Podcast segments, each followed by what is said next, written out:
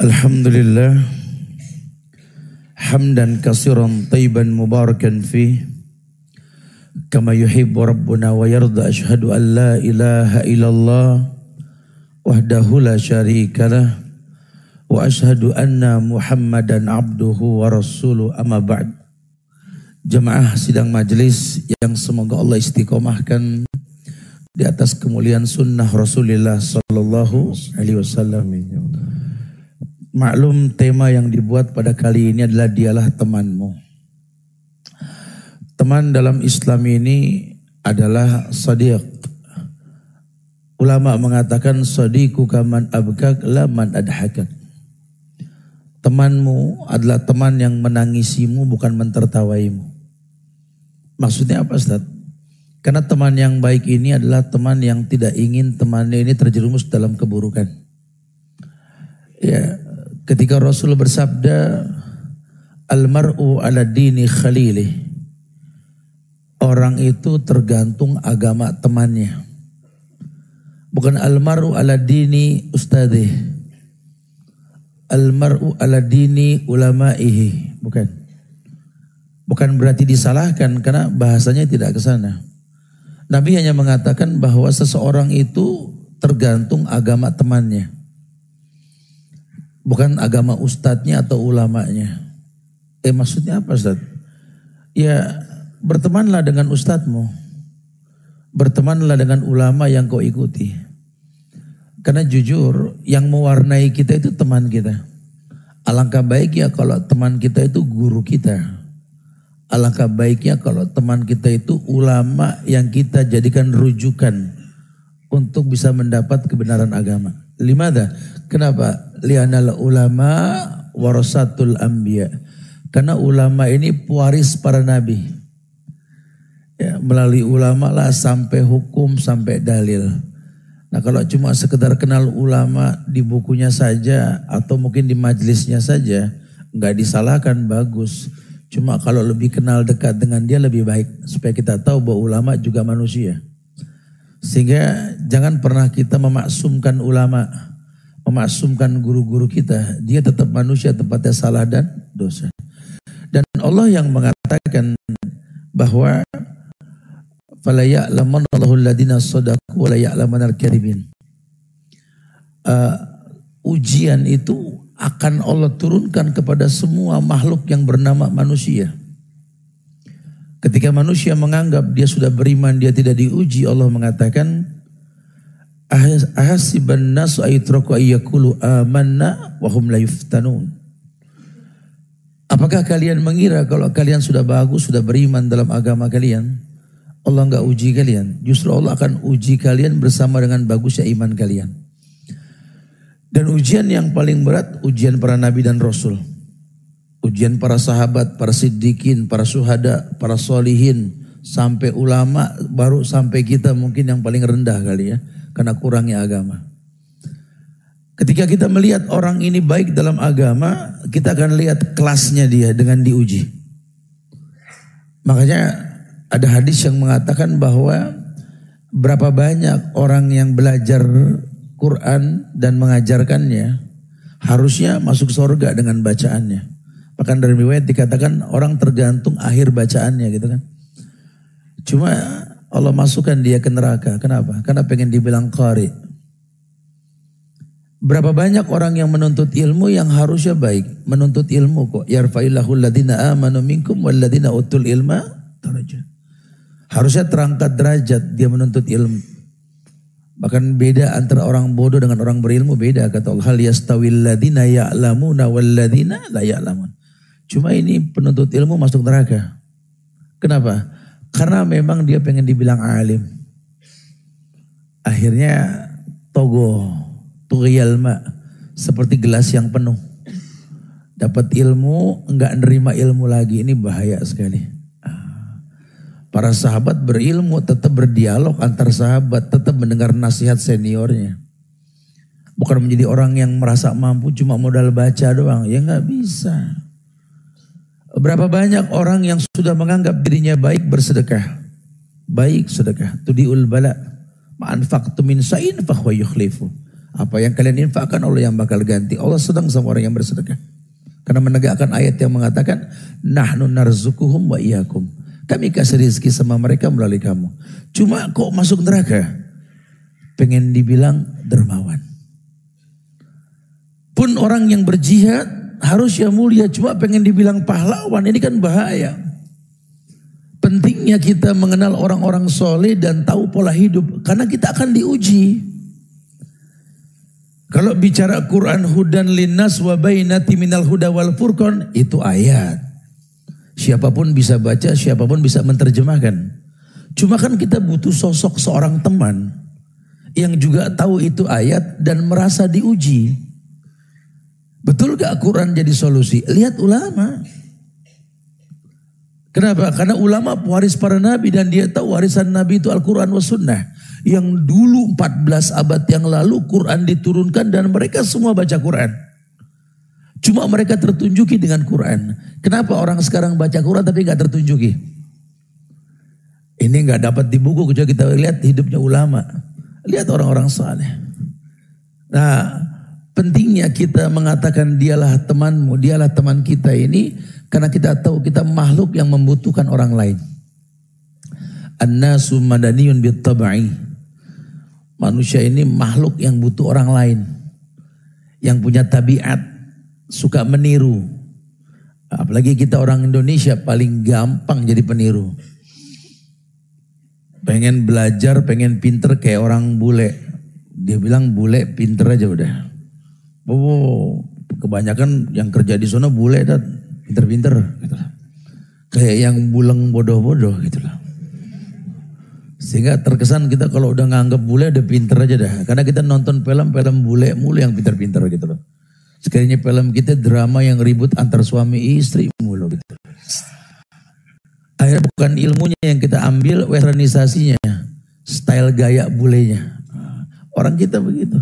Belum berteman sama bule, baru ngelihat film bule, besok dibulein rambutnya. Tuh orang kita tuh. Pengen dianggap bule dalam bentuk casingnya. Saya sampaikan di beberapa kajian dari kemarin, saya bilang, karena sifat meniru kita ini kuat sekali. Maka kalau kita nggak pandai-pandai memilih teman, kita akan meniru yang buruk. Ini pertemanan sampai akhirat loh nggak main. Bahkan memberikan syafaat teman yang soleh nanti kan. Ah. Saya kalau lagi umroh bawa jamaah itu macam-macam dan ngelihat jamaah yang macam-macam. Datang dari Indonesia menuju Jeddah, Mekah, Madinah. Pakai sarung, pakai batik, cuma ganti baju ihram ketika dia lam-lam kalau langsung ke Jeddah ke Mekah. Kalau ke Madinah dulu dari Zulhulaifah, dari Bir Ali. Baru pakai baju ihram. Tapi yang pasti dia datang ke Arab pakai sarung, pakai batik. Haji ini pakai batik semua.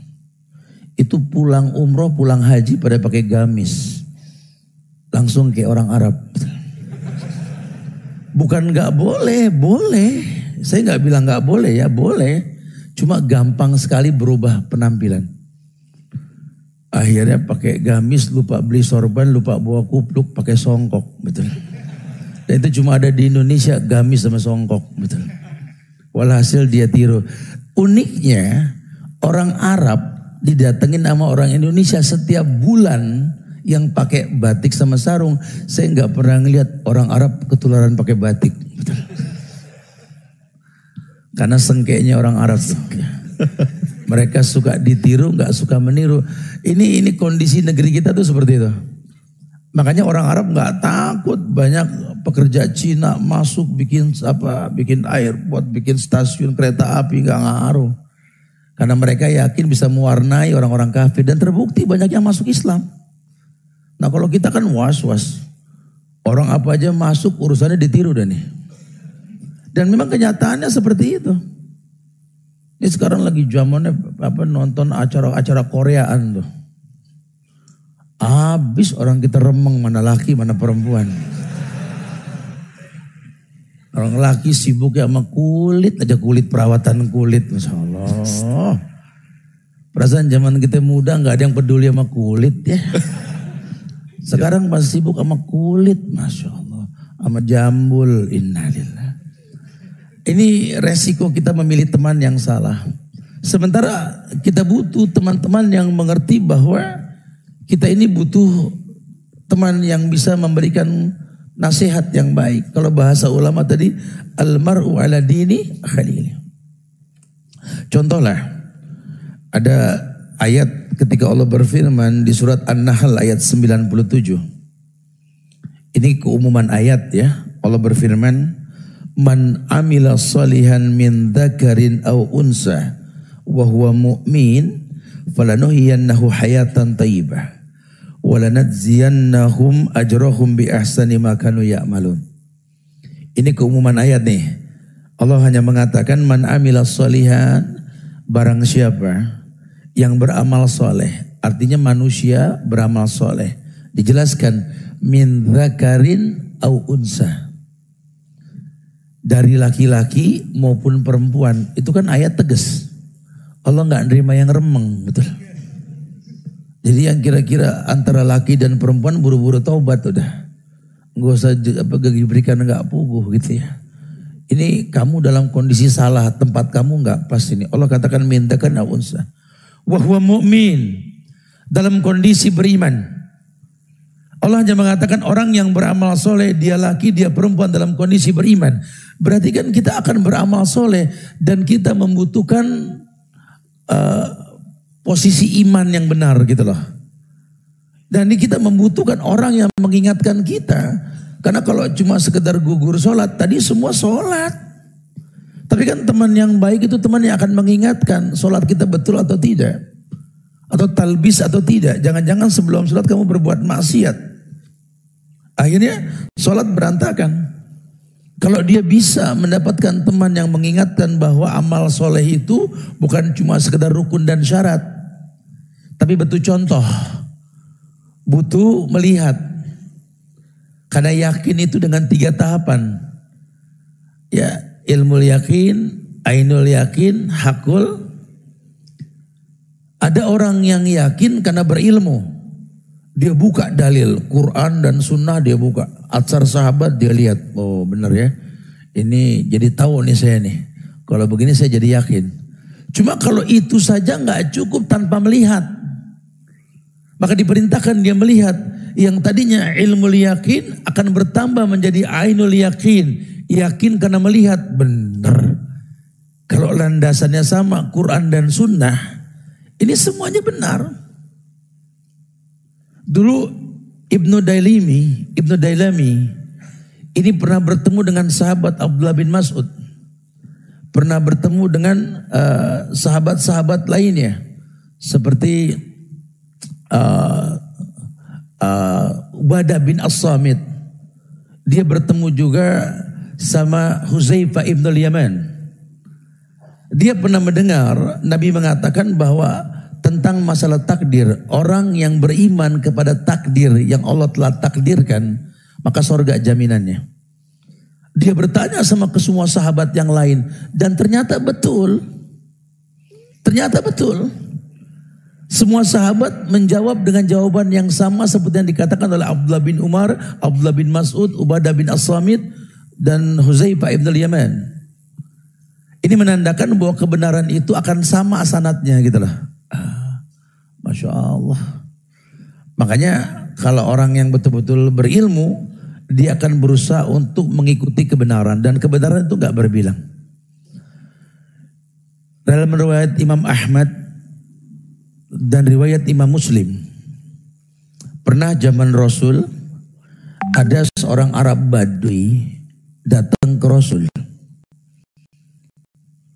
Kemudian orang ini bertanya ke Rasul tentang kapan itu hari kiamat. Ini kenal belum main datang nanya kiamat kapan. Rasul balik tanya sama orang tersebut. Ini Anas bin Malik menyaksikan ini. Apa yang kau persiapkan untuk kiamat? Dia bilang nggak ada ya Rasul. Kecuali aku hanya mengikuti orang-orang yang aku cintai. Ya ini engkau dan para sahabat. Dia belum beramal, dia belum bisa berbuat baik. Makanya unik kadang-kadang di majelis dia suka macam-macam nanyanya. Zaman Rasul juga sama, Arab Badui ngaji belum, beragama belum rapi. Yang ditanya, Nabi kiamat kapan? Begitu. Rasul balik tanya sama dia, masalah kapan mantar dulu dah, udah siap belum? Kira-kira kalau kiamat sekarang terjadi apa yang kau persiapkan? Ya nggak ada Rasul. Terus modal kamu apa? Ya pokoknya saya mah seneng aja sama Rasul sama sahabat. Apa kata Rasul? Anta ma'amman ahbabta. Kamu kamu akan bersama orang yang kamu cinta. Agama kalau di tangan Rasul mah asik. Ini kalau kejadian tahun 2019 begitu lain cerita tuh. Ada orang ucuk-ucuk-ucuk gak pernah kerabanian datang nongol. Gak tahu gimana kebagian mic samping dia, dia mau ngapain ya. Itu kalau di tangan ada mic berarti nanya, ya Allah nanya apa ya. Nanya datat, kiamat kapan gitu loh. Untung Ustadz nggak bercanda, kalau dia bercanda dia bilang, oh yang lain gitu loh. Tapi kalau Ustadz berilmu dia tiru omongan Nabi. Jangan nanya kiamat kapan. Karena Nabi ditanya sama Jibril saja. Yang nanya lebih paham ketimbang yang ditanya. Yang jadi masalah kapan pun kiamat terserah Allah jangan dipikirin. Cuma kalau kiamat terjadi apa yang kamu bawa menghadap Allah nanti itu lebih penting. Mata saat kapan kiamat udah gak ada yang tahu. Allah yang tahu sudah. Cuma persiapan kita kira-kira yang kita bawa apa nanti itu yang paling penting. Kira-kira apa yang kamu bawa kata si Ustaz? Ya, ya apa ya? Ya nggak ada. Modal, ya modal ya, ya begitu deh. Cuma cuma cinta sama Rasul aja. Tat. Rasul langsung ngomong, apa Ustaz malah ngomong, berarti kamu bersama orang yang kau cinta. Dengan mudahnya bahasa seperti itu ya, ini menandakan bahwa Islam ini memang mudah. Kan Ustaz sering sampaikan, sorga itu kan milik Allah. Neraka juga milik Allah. Ketika neraka dan sorga berdebat, kata neraka inilah yang bakal memasukiku. Siapa? Orang yang kasar, orang yang sombong. Kata sorga, enggak, dia bakal masuk aku nanti. Kenapa? Dia orang yang bersabar dan gemar bersedekah. Percaya dengan takdir. Melihat seperti itu Allah mengatakan aku ciptakan kamu neraka untuk mengazab orang. Aku ciptakan kamu surga untuk rahmat bagi orang yang berbuat baik. Bahasa Allah begitu. Ya ada orang yang dimasukin surga dengan cara dijadikan nabi dan rasul dulu. Ini kita kalau nggak paham suka suuzon sama Allah. Rasul enak banget kan jadi rasul. Gue juga pengen gitu. Cuman nggak jadi gitu. Itu masih hanya Allah. Ya jangan ngatur Allah, terserah Allah. Tapi jangan suuzon. Ada orang masuk surga karena jadi nabi, jadi rasul. Kita udah nggak kebagian kuota dah. Ada juga yang dijadikan sahabat rasul, bini-bini rasul, tabiin, tabiut, tabiin ulama masuk surga karena memang begitu. Ya Allah, kita cuma ngaji derabanian, tat masuk surga gak ya gitu. Ada yang nggak ngaji di Rabanian atau dia belum ngaji sekalipun, cuma ngasih minum anjing yang kehausan, Allah masukkan dia ke sorga. Apa besok kita beli anjing, Tat? Kok nggak nyuruh ya? Kok nggak nyuruh ya? Cuma ngasih bocoran doang nih. Supaya kalian tahu sorga itu masih hanya Allah.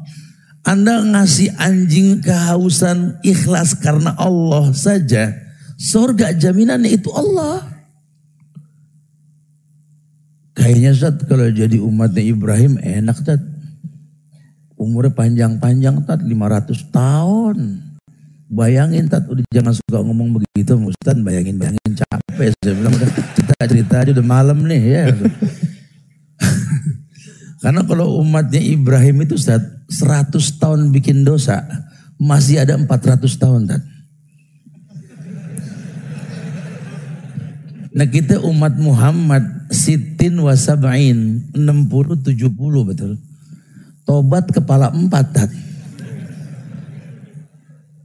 Ini kan nggak lama lagi 20 tahun betul. 20 tahun juga kan nggak full kita berbuat baik tat namanya baru tobat betul.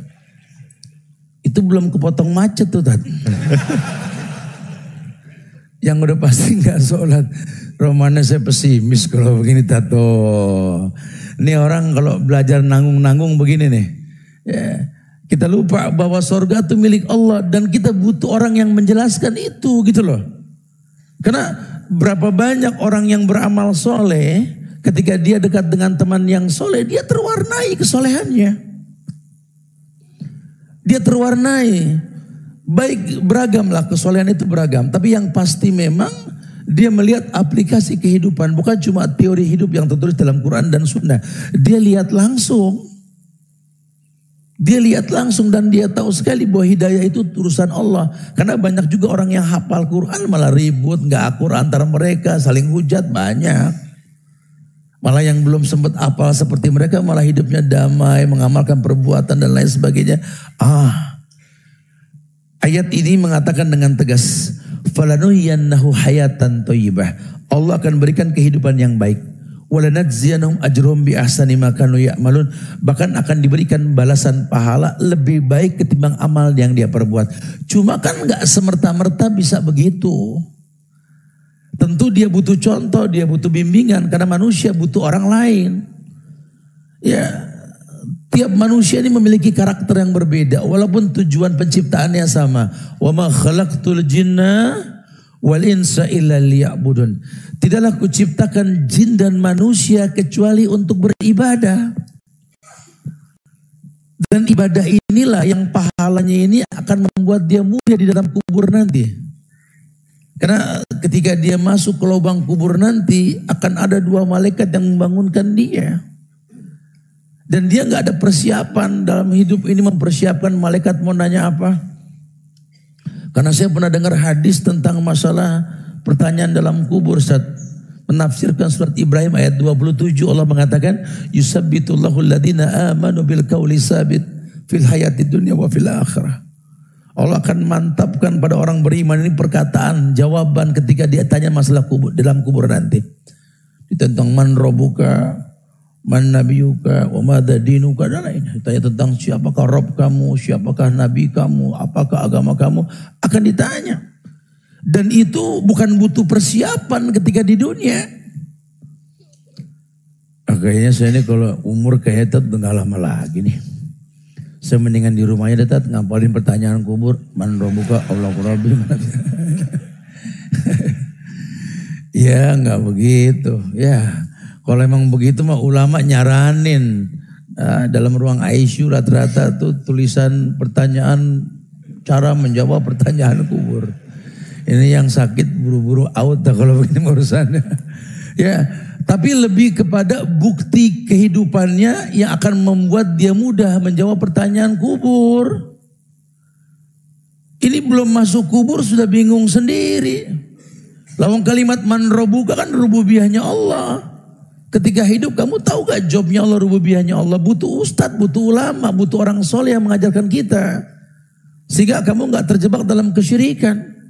Karena kalau orang sudah gak berbuat syirik, otomatis dia pahaman robu ke Allah Rabbi.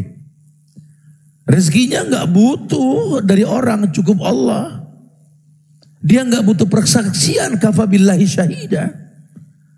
Dan dia yakin sekali Allahu khaliqu kulla wa huwa ala kulli wakil. Dia yakin Allah yang mencipta, pasti Allah yang mencukupi. Cuma ini kan buah yang dipetik dari persahabatan dengan orang-orang saleh. Atau beginilah biar gampang bahasanya karena mengemasnya nggak nggak gampang nih ya.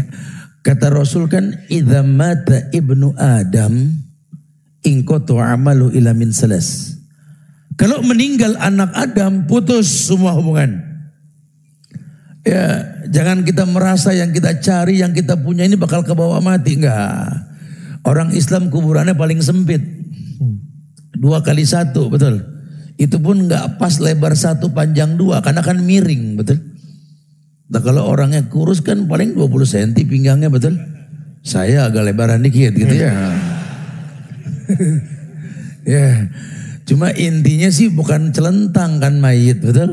Miring. Sebenarnya bukan dua kali satu. Itu memudahkan orang turun buat nangkep mayit. Dengan ukuran sekecil itu mana masuk pelak mobil, betul? Motor, rumah, ya nggak bakal masuk. Sebenarnya yang kita cari bakal kita tinggalkan kan? Cuma bukan berarti kita nggak boleh mencari, karena yang kita cari dunia untuk akhirat. Wabtagi fima atakallahu daral akhirah wala tansa nasibaka minad dunya. Kan perintahnya begitu. ente ente ente cari akhirat. Tapi jangan lupain dunia. Betul akhirat adanya di Al Azhar tat. Kita belajar bareng Rabanian. Kan kalau naik mobil macet betul. Ya satu orang satu mobil nggak sempit jalanan. Ya mendingan pakai motor. Nah berpikir gimana cara beli motor gitu ya. Karena kita belajar kudu beli buku Ustaz. Emang boleh nyolong gitu loh. Kan nggak boleh. Harus beli kerja dong sampai punya uang. Karena kata Imam Syafi'i salah satu bagian dari syarat penuntut ilmu ya banyak harta. Harus. Jangan dibagi mulu. Izah gitu harga diri. Harga diri kita memberi karena khairunas anfa'uhum linnas. Sebaik-baik manusia yang paling bermanfaat buat manusia lainnya.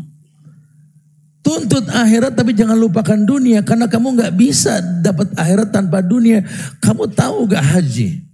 Ini ibadah yang tertinggi ketika di rukun Islam ditulis yang terakhir itu hajjul bait manistatu ilahi sabila. Pergi haji bila mampu. Kalimat mampu ini kan bukan cuma sekedar fisik dan ilmu, harta juga perlu. Emang naik pesawat nebeng di pinggiran kayak naik angkot gitu. Wah, bisa tipis sampai Arab kita kena angin betul. Harus masuk. Masuk pesawat juga mau apa bangkunya pakai nomor. Nomornya ada di tiket. Tiketnya beli betul lah. Kita mau fotokopi sendiri kan nggak mungkin. Butuh uang lagi-lagi dunia. Wala tansa nasibaka minat dunia lebih ke sana. Tetap butuh dunia. Jangan tinggalkan dunia. Kamu butuh dunia, kamu hidup di dunia. Tapi ingat, dunia ini mazru'atul akhirah gitu loh. Lebih kepada perkataan ulama, dunia ini tempat bercocok tanam untuk akhirat. Dan kalau sudah bicara mencocok tanam kan mayazra yasud. Siapa yang nanam dia bakal manen. Itu sudah hukum alam. Kamu yang nanam jagung, tiga bulan setengah panen jagung. Kamu yang nanam ubi, tujuh bulan, delapan bulan panen ubi. Memang seperti itu, karena itu yang kau tanam. Kau tanam kebaikan, kau petik kebaikan. Kenapa? Karena Allah baik cuma nerima yang baik. Nah, ketika dikatakan kalau meninggal anak Adam putus semua hubungan kecuali tiga. Sedekahnya waktu hidup, jariah yang berkepanjangan, ilmu yang bermanfaat, anak yang saleh. Ini target tiga nih. Bagaimana kita bisa beramal jariah? Kita butuh contoh dong, berapa banyak orang-orang soleh yang gak hitung-hitungan kalau sedekah. Dan ternyata memang menegakkan ayat yang mengatakan bahwa ma'anfaqtum min syai'in fahuwa yukhlifu. Bener Zat. Anak niru fulan bin fulan tat. Masya Allah tuh orang tat. Itu sedekahnya innalillah. Bikin dia berkah Zat. Sehat. Orang kira dia sakit, enggak sedekah tuh diul balas. Kalau uangnya betul halal, itu sedekah bikin dia tuh nyaman dalam hidup betul. Ini orang nggak punya harta, cuma ya Allah Ustaz layak untuk ngiri sama dia. Kenapa? Punya ilmu yang disedekahkan. Anak terinspirasi dari dia Ustaz. Kaya sih enggak, cuma ilmunya banyak, rujukan orang nanya. Ya kayak Ali bin Abi Thalib, Mambaul Ulum, sentral ilmu. Kaya sih enggak, cuma banyak orang nanya tentang bagaimana melipat gandakan harta. Makanya doa menambah jumlah bilangan harta, riwayatnya Ali bin Abi Thalib itu. Ada yang datang ke Ali dalam kondisi Ali miskin tidur ganjel batu, susah Ali.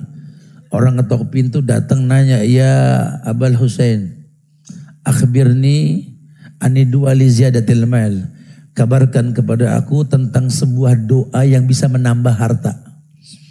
Tuh kalau kita jadi ahli bisa ngamuk kita betul-betul. makan belum, tidur susah. Karena kita kalau lagi nggak makan kaki dingin betul. Perut berbunyi, ganjel batu. Miskin belum makan, tidur susah, dingin hawanya. Emang nggak ada yang dimakan. Orang datang ketok pintu nanya, biar kaya gimana sih? Waduh.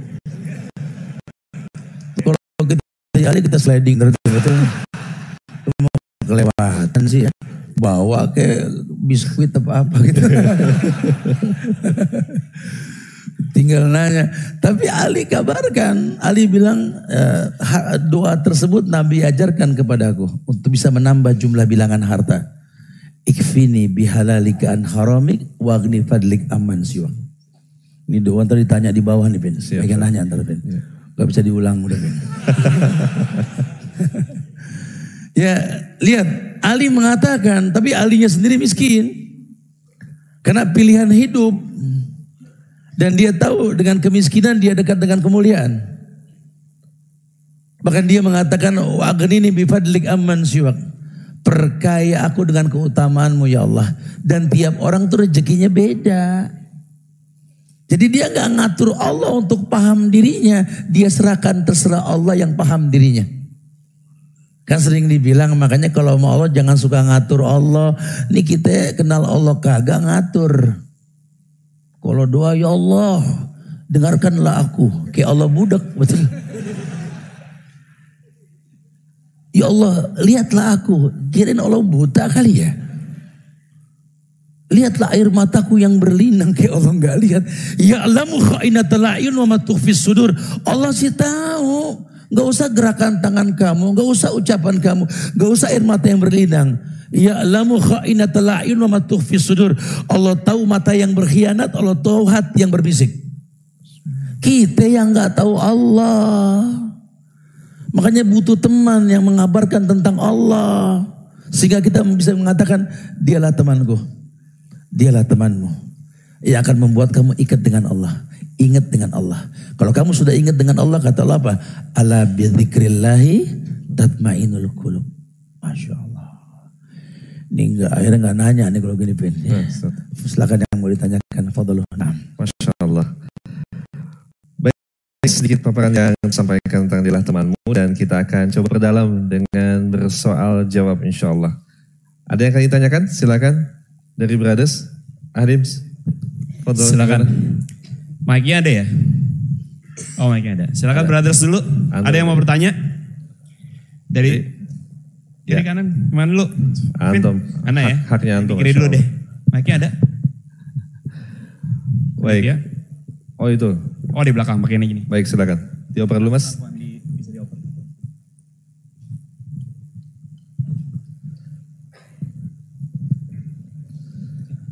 Baik silakan. Bismillahirrahmanirrahim. Assalamualaikum warahmatullahi wabarakatuh. Waalaikumsalam warahmatullahi wabarakatuh. Uh, nama saya Bu Ayub dari Halim. Hmm. Ada dua pertanyaan saat yang mau saya tanyakan. Masya Allah. Yang, pertanya yang pertama uh, mungkin sedikit melenceng dari tema. Jangan jauh-jauh ya. Ya nggak jauh-jauh. yeah. uh, istri saya tuh uh, sering dijavu. Qadarullah apa yang dijavukan itu kejadian saat. Dan ini berlangsung lama terus menerus. Lalu setiap mimpinya itu prediksinya tuh selalu di mimpinya. Masya Allah. Dan akhir, akhir, jadi dia mimpi mimpi sesuatu, gak lama gitu mimpinya tuh kejadian. Okay. Hmm. Dan yang terakhir ini istri saya tuh seperti diganggu gitu Ustaz. Jadi yeah. alhamdulillah baru melahirkan dan anak tuh kayak nggak tenang gitu di rumah. Apakah ini tanda-tanda uh, diganggu jin? Mungkin mo mohon yang pertama itu, yang kedua Ustaz, um, alhamdulillah uh, di kantor yang ngaji baru saya sendiri Ustaz. Nah, banyak cemohan-cemohan yang uh, celana kok dipotong emang banjir. Jenggot emang kenapa nih nggak di ini? Saya bilang akar gigi gitu. Nah maksud saya gini Ustaz, kita nggak ada temannya nih Ustaz di kantor, apalagi masjid aja jauh Ustaz. Ini gimana Ustaz cari teman yang bisa bawa sengganya ngingetin gitu. Bro, yuk sholat yuk. Bro, yuk ngaji. Bro, ya mungkin itu aja Ustaz. Assalamualaikum warahmatullahi wabarakatuh. Waalaikumsalam warahmatullahi wabarakatuh. Masya Allah. Pertanyaannya bagus nih. Iya Ustaz. Sesuai dengan tema. Iya akhifillah. Kalau bicara mimpi, kita pernah bahas di Rabanian ini. Mimpi itu ada dua. Yang pertama namanya ru'yatul manam. Hmm. Ru'yatul manam artinya melihat dalam keadaan tidur. Itu mimpinya para nabi dan rasul. Wahyu. Nah, kayak perkataan Ibrahim, ini aro fil manam, anni adzbahuka. Aro fil manam. ru'yatul manam. Wahai anakku, aku melihat dalam kondisi tidur, aku menyembelih kamu. Jadi kalau Nabi kan nggak mungkin bohong, kalau ngomong begitu, oh berarti ini wahyu nih. Nah, ada juga yang namanya haluma. Haluma itu artinya kembang tidur. Ini yang suka setan masuk melalui sini nih. Nah, karena uh, boleh jadi benar Allah jadikan sebagai ilham atau khabar melalui mimpi. Tapi boleh jadi memang godaan setan supaya kita merasa kita ini punya apa indera keenam gitu ya. Dengan sendirinya nanti, mungkin sekarang sih belum berasa. Cuma karena keseringan lama-lama kan temannya ngomong, kira-kira gimana ya? Takut tunggu ngimpi dulu dah, begitu kan. Nah, lama-lama tuh begitu. Nah itu setan tuh tipu dayanya tuh begitu. Satu kebenaran yang dia dengar dari langit oleh seratus kebohongan. Itu setan. Jadi yang kita ingat tuh yang benernya bukan yang salahnya gitu lah. Itu ya ya semoga uh, di antara mimpi tersebut memang menjadi sebuah kebaikan. Tapi saya sarankan jangan terlalu bersandar pada mimpi juga ya. Nah, makanya kalau mimpi itu buruk ya bersedekahlah.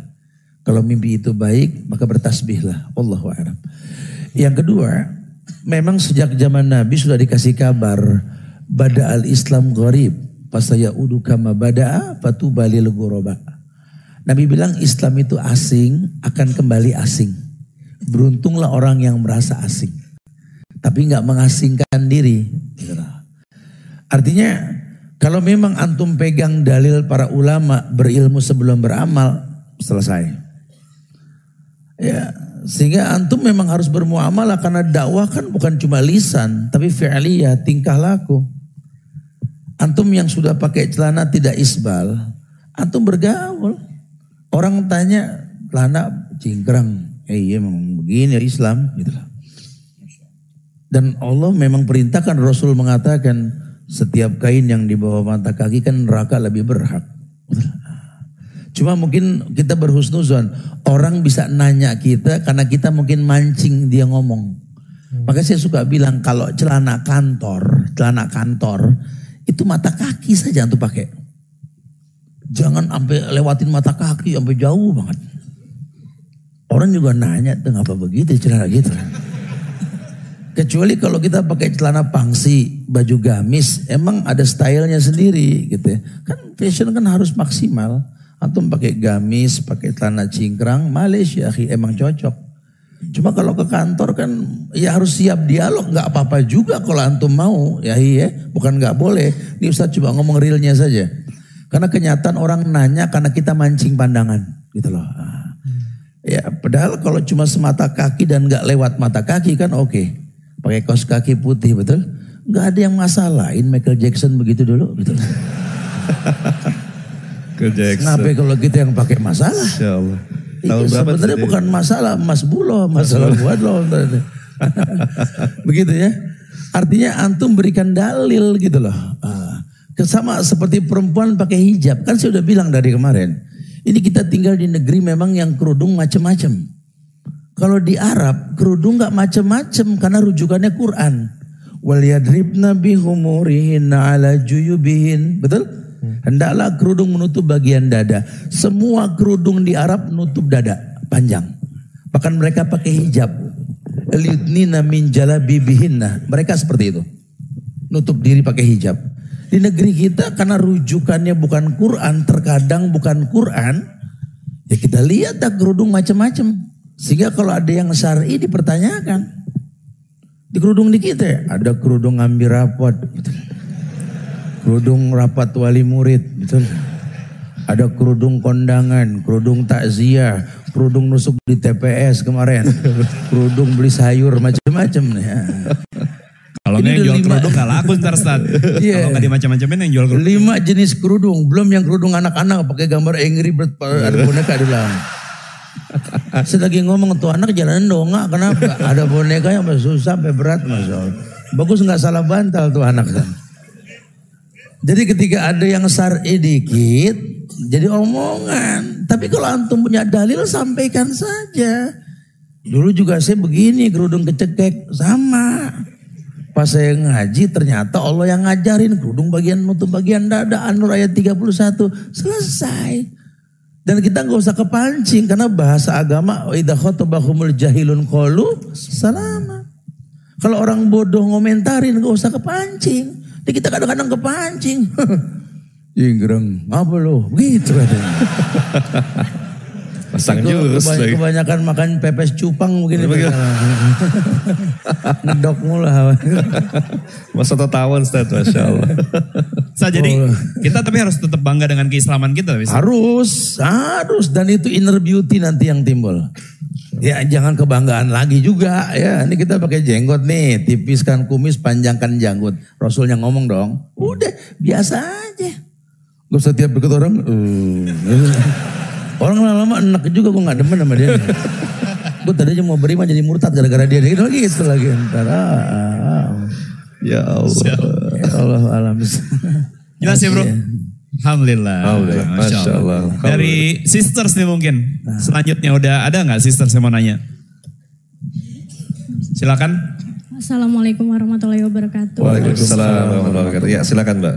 Iya Ustadz mau nanya, eh, kan ada eh, hadis yang bilang kita harus berkumpul dengan orang-orang yang baik, yang membawa kita kebaikan, yang bisa mengajak kita ke surga. Ya Allah. Eh, adakah amalan-amalan yang bisa eh, memperkuat keimanan dan ketakwaan kita supaya eh, kita bisa berkumpul dengan orang-orang baik tersebut? Masya Allah. Gitu aja Ustadz. Terima kasih. Assalamualaikum warahmatullahi wabarakatuh. Waalaikumsalam. Waalaikumsalam. Terima kasih Mbak. Ya, masya Allah. Ini kalau begini semua perempuan ulama banyak di Indonesia benar. Masya Allah. Ibunda para ulama insya Allah. ya. Amin. Insya Allah. Karena memang yang ditanyakan bagaimana bisa menstabilkan iman selalu bertakwa dan berbuat baik. Ya keumuman dalil selalu dibicarakan tentang iman yang naik turun kan. Naik dengan ketaatan, turun dengan kemaksiatan. Mungkin kata ketaatan ini luas. Di mana bersahadat, sholat, zakat, puasa, haji, muamalah, nikah, cerai, dan lainnya. Kalau memang ada ilmunya dan kita taat dengan ilmu tersebut, ini yang dikatakan kebenaran. Makanya eh, justru yang perlu diperhatikan untuk setiap orang yang mau beribadah, bagaimana kondisi iman kita sebelum kita beribadah.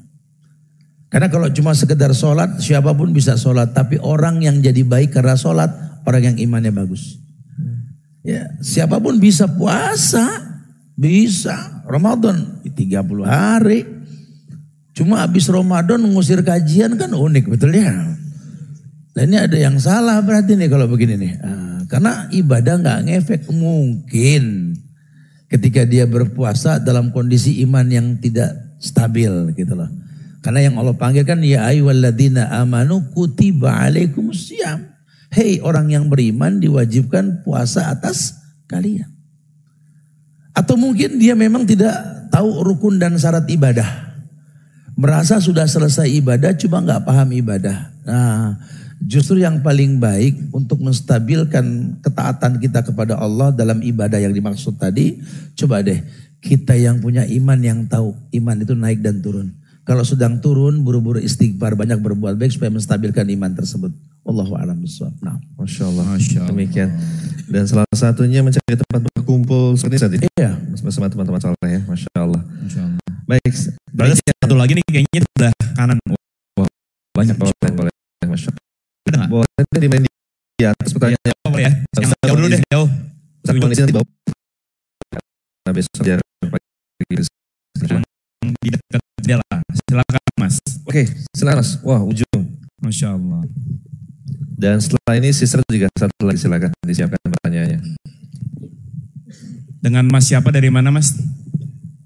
Assalamualaikum warahmatullahi wabarakatuh. Waalaikumsalam warahmatullahi Saya Bagus dari Sleepy. Ya, silakan Mas Silakan, Bagus. Ustadz mau bertanya, eh, balik lagi ke tema ini, kan kita eh, mirip sama pertanyaannya yang tadi.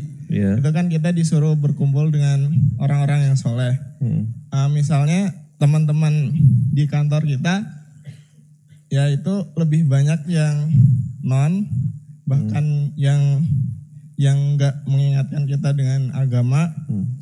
Uh, kemudian kalau dihubungkan dengan dalil yang minggu lalu atau di Robanian hmm. kalau nggak salah itu kan kita harus berhijrah dari tempat yang kurang baik ke tempat yang baik. Hmm. Apakah itu berarti kita juga harus keluar dari tempat kerja kita ya. atau gimana?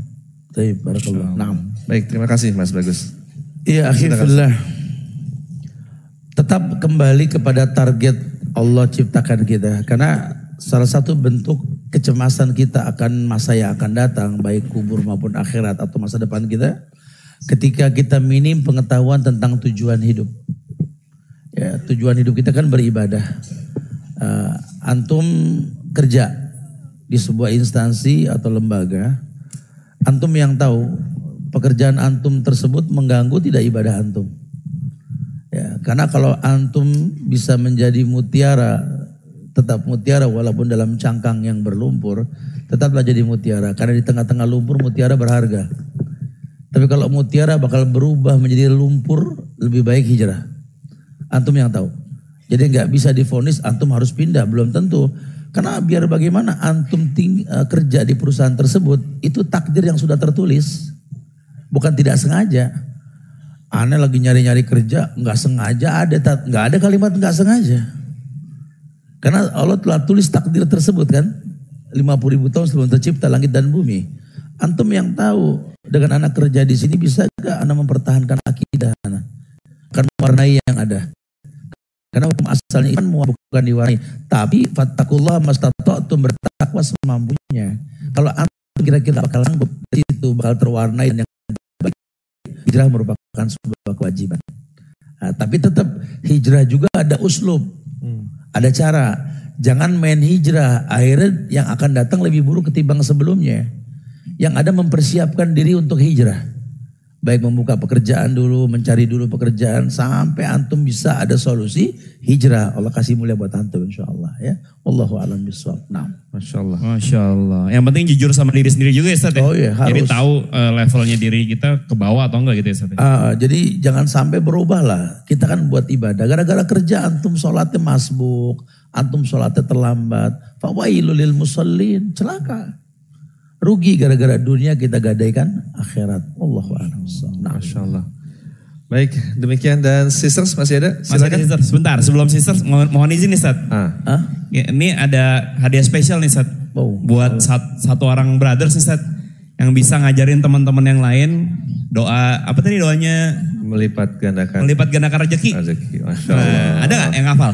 Wah tuh, semangat tuh Sat. Coba coba diajarin teman-teman yang lain. Afwan, ya. bisa tolong di open. Nah.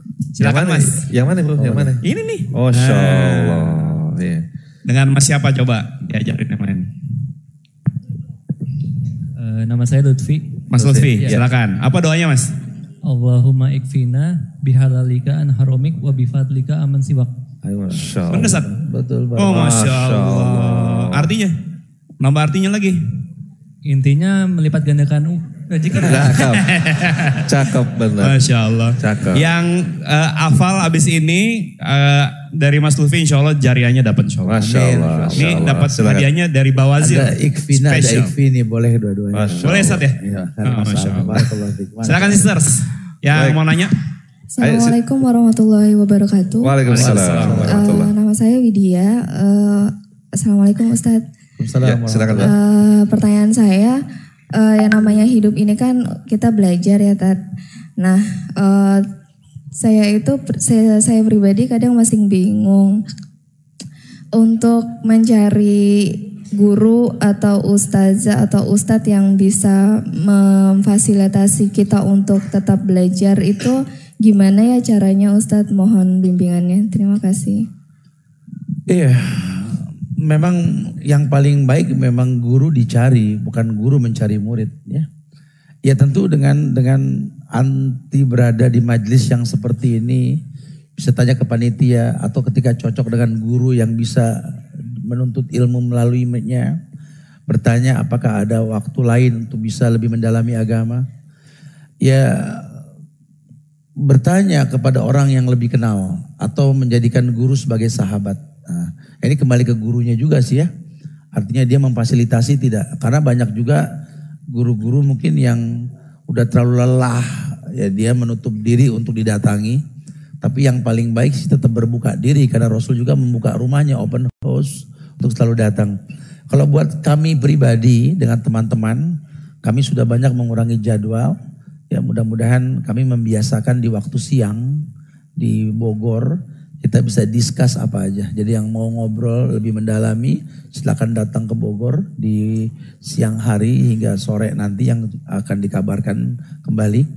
Tapi pada hakikatnya memang perlu ada event-event tersendiri berkaitan dengan uh, belajar. Saya bilang sama teman-teman, ya Dimas dengan segalanya, ya Pak Kiko dengan kafe Kiko dan teman-teman lain yang saya gak bisa sebutkan yang punya kafe-kafe yang identik dengan minuman-minuman santai ya kopi teh bisa bikin pojok ilmu.